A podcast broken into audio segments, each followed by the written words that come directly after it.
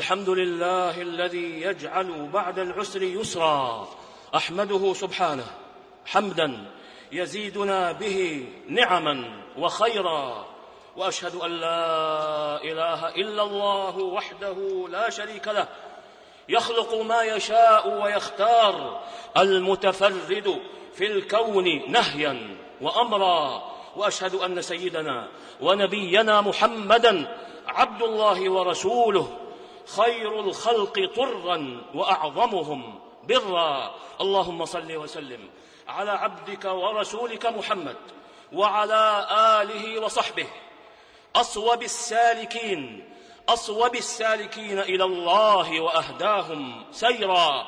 أما بعد فاتقوا الله عباد الله.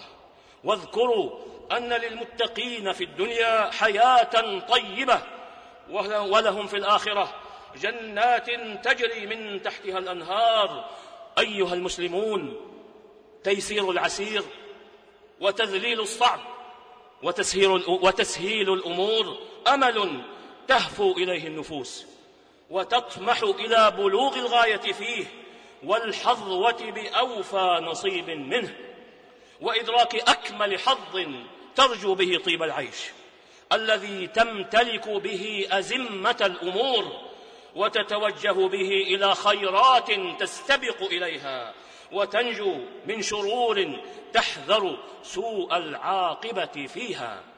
ولذا فإن من الناس من إذا من إذا أصابه العسر في بعض أمره رأى أن شرا عظيما نزل بساحته وأن الأبواب قد أوصدت دونه والسبل سدت أمامه فتضيق عليه نفسه وتضيق عليه الأرض بما رحبت ويسوء من ظنه ما كان قبل حسدا ويضطرب من أحواله ما كان سديدا ثابتا مستقرا. وربما انتهى به الأمر إلى ما لا يحل له ولا يليق به من القول والعمل. أما المتقون الذين هم أسعد الناس وأعقلهم فإن لهم في هذا المقام شأنا آخر وموقفا مغايرا بما جاءهم من البينات والهدى من ربهم وبما أرشدهم إلى الجادة فيه نبيهم صلوات الله وسلامه عليه إنهم يذكرون أن ربهم قد وعدهم وعد الصدق الذي لا يتخلف وبشرهم أن العسر يعقبه يسر وأن الضيق تردفه سعة وأن الكرب يخلفه فرج. فقال سبحانه فإن مع العسر يسرا إن مع العسر يسرا. وقال عز اسمه سيجعل الله بعد عسر يسرا. وهو موعود مقترن بشرط, بشرط الإتيان بأسبابه. بشرط الإتيان بأسباب عمادها وأساسها وفي الطليعة منها التقوى التي هي خير زاد السالكين وأفضل عدة السائرين إلى ربهم ووصية الله تعالى للأولين والآخرين ولقد وصينا الذين أوتوا الكتاب من قبلكم وإياكم أن اتقوا الله وهي التي تبعث المتقي على أن يجعل بينه وبين ما نهى ما بي وبين ما نهى الله عنه حاجزا يحجزه وساترا يقيه وزاجرا يزجره وواعظا في قلبه يعظه ويحذره. فلا عجب أن تكون التقوى من أظهر ما يبتغي به العبد الوسيلة إلى تيسير كل شؤونه وتذليل كل عقبة تعترض سبيله. أو تحول بينه وبين بلوغ آماله ومن يتق الله يجعل له من أمره يسرا.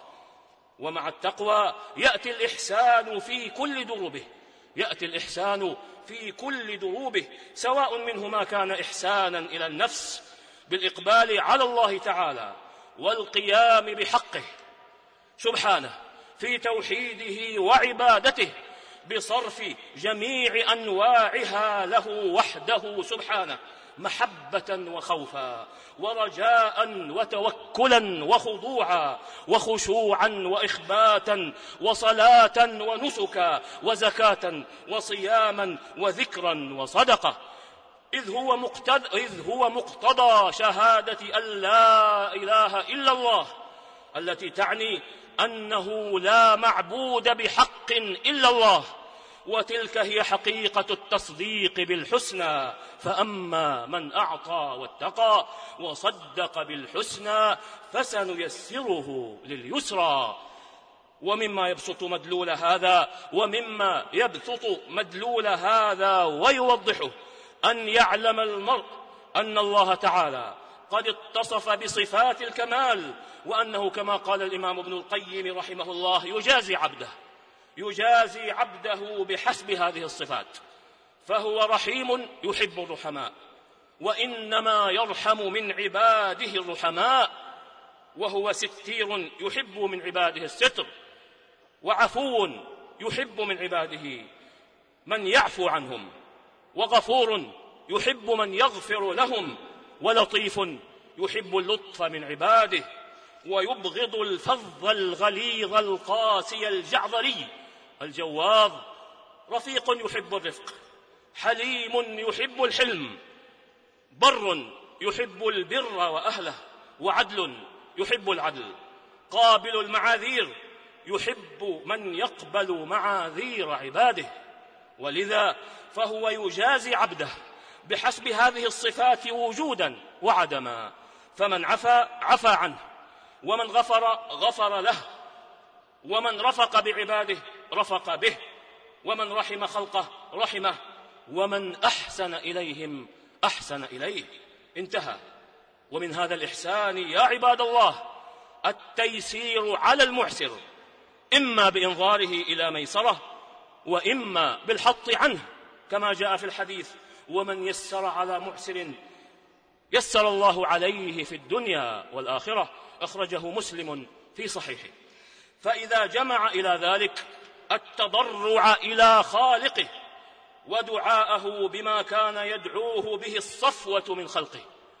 كدعاء نبيه موسى عليه وعلى نبينا أفضل الصلاة والسلام قال رب اشرح لي صدري ويسر لي أمري واحلل عقدة من لساني يفقه قولي. ومن وكذلك دعاء نبيه صلى الله عليه وسلم الذي كان يدعو به عند تعسر الأمور عند تعسر الأمور وذلك قوله اللهم لا سهل إلا ما جعلته سهلا وأنت تجعل الحزن إذا شئت سهلا. ملتزما في ذلك. آداب الدعاء وسننه من إخلاص لله ومتابعة لرسول الله صلى الله عليه وسلم وابتداء بحمده سبحانه والثناء عليه والصلاة والسلام على نبيه صلى الله عليه وسلم واستقبال للقبلة وإلحاح في الدعاء وعدم الاستعجال فيه بأن يقول دعوت فلم يستجب لي. ومع سؤال الله وحده دون سواه واعتراف بالذنب وإقرار بالنعمة وتوسل إليه بأسمائه الحسنى وصفاته العلى أو بعمل صالح أو بعمل صالح سلف له أو بدعاء رجل صالح حي حاضر ورفع اليدين والوضوء إن تيسر وإطابة مطعمه بأكل الحلال الطيب واجتناب الحرام الخبيث واجتناب الاعتداء في الدعاء بألا يدعو بإثم ولا بقطيعة رحم وبألا يدعو على نفسه ولا على أهله ولا على أهله أو ماله أو ولده وبعدم رفع الصوت فوق المعتاد وفوق الحاجة. هنالك ترجى الإجابة. هنالك ترجى الإجابة وتستمطر الرحمة الربانية ويرتقب اليسر ويفرح بفضل الله وبرحمته. قل بفضل الله وبرحمته فبذلك فليفرحوا. هو خير مما يجمعون. نفعني الله وإياكم بهدي كتابه وبسنة نبيه صلى الله عليه وسلم. أقول قولي هذا وأستغفر الله العظيم الجليل لي ولكم ولجميع المسلمين من كل ذنب إنه هو الغفور الرحيم.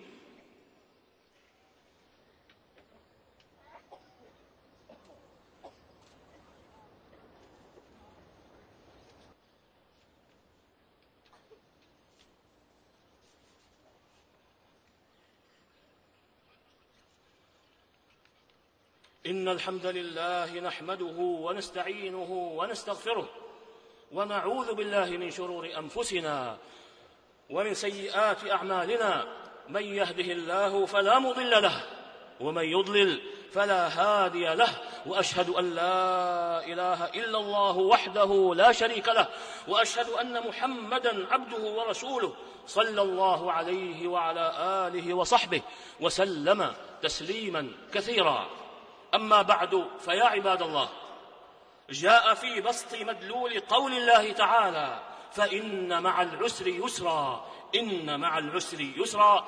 قول بعض أهل العلم بالتفسير هذه بشارة عظيمة أنه كلما وجد عسر وصعوبة فإن اليسر يقارنه ويصاحبه.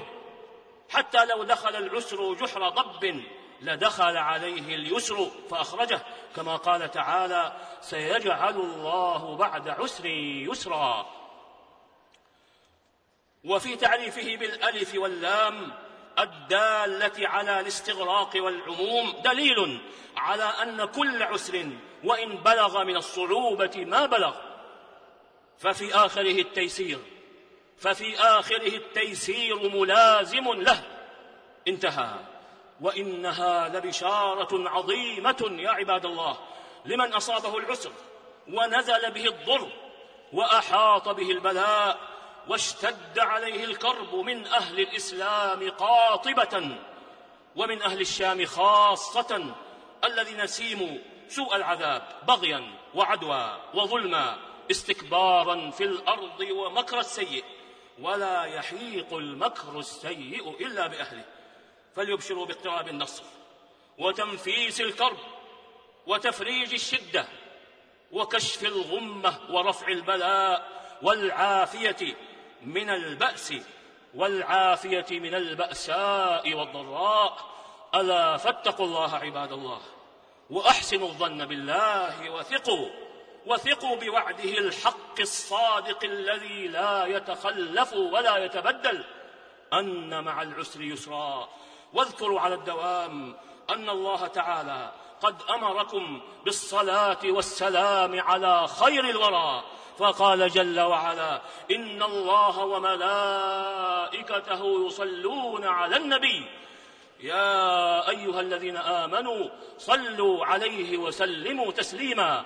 اللهم صل وسلم على عبدك ورسولك محمد.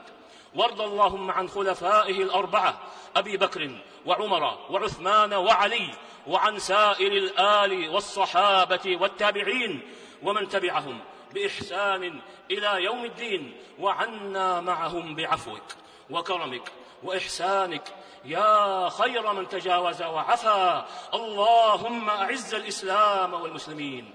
اللهم أعز الإسلام والمسلمين. اللهم أعز الإسلام والمسلمين.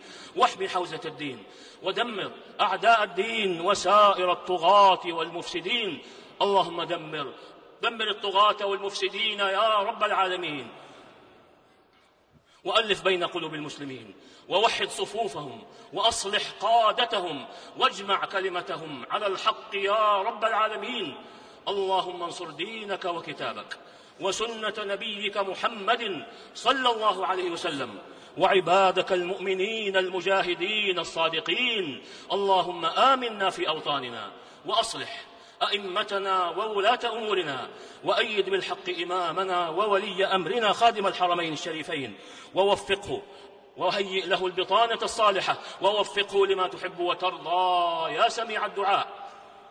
واجزه خير الجزاء عن مواقفه الإسلامية الحكيمة الحازمة مع المسلمين مع قضايا المسلمين كافة ومع قضية المسلمين في سوريا خاصة. يا رب العالمين.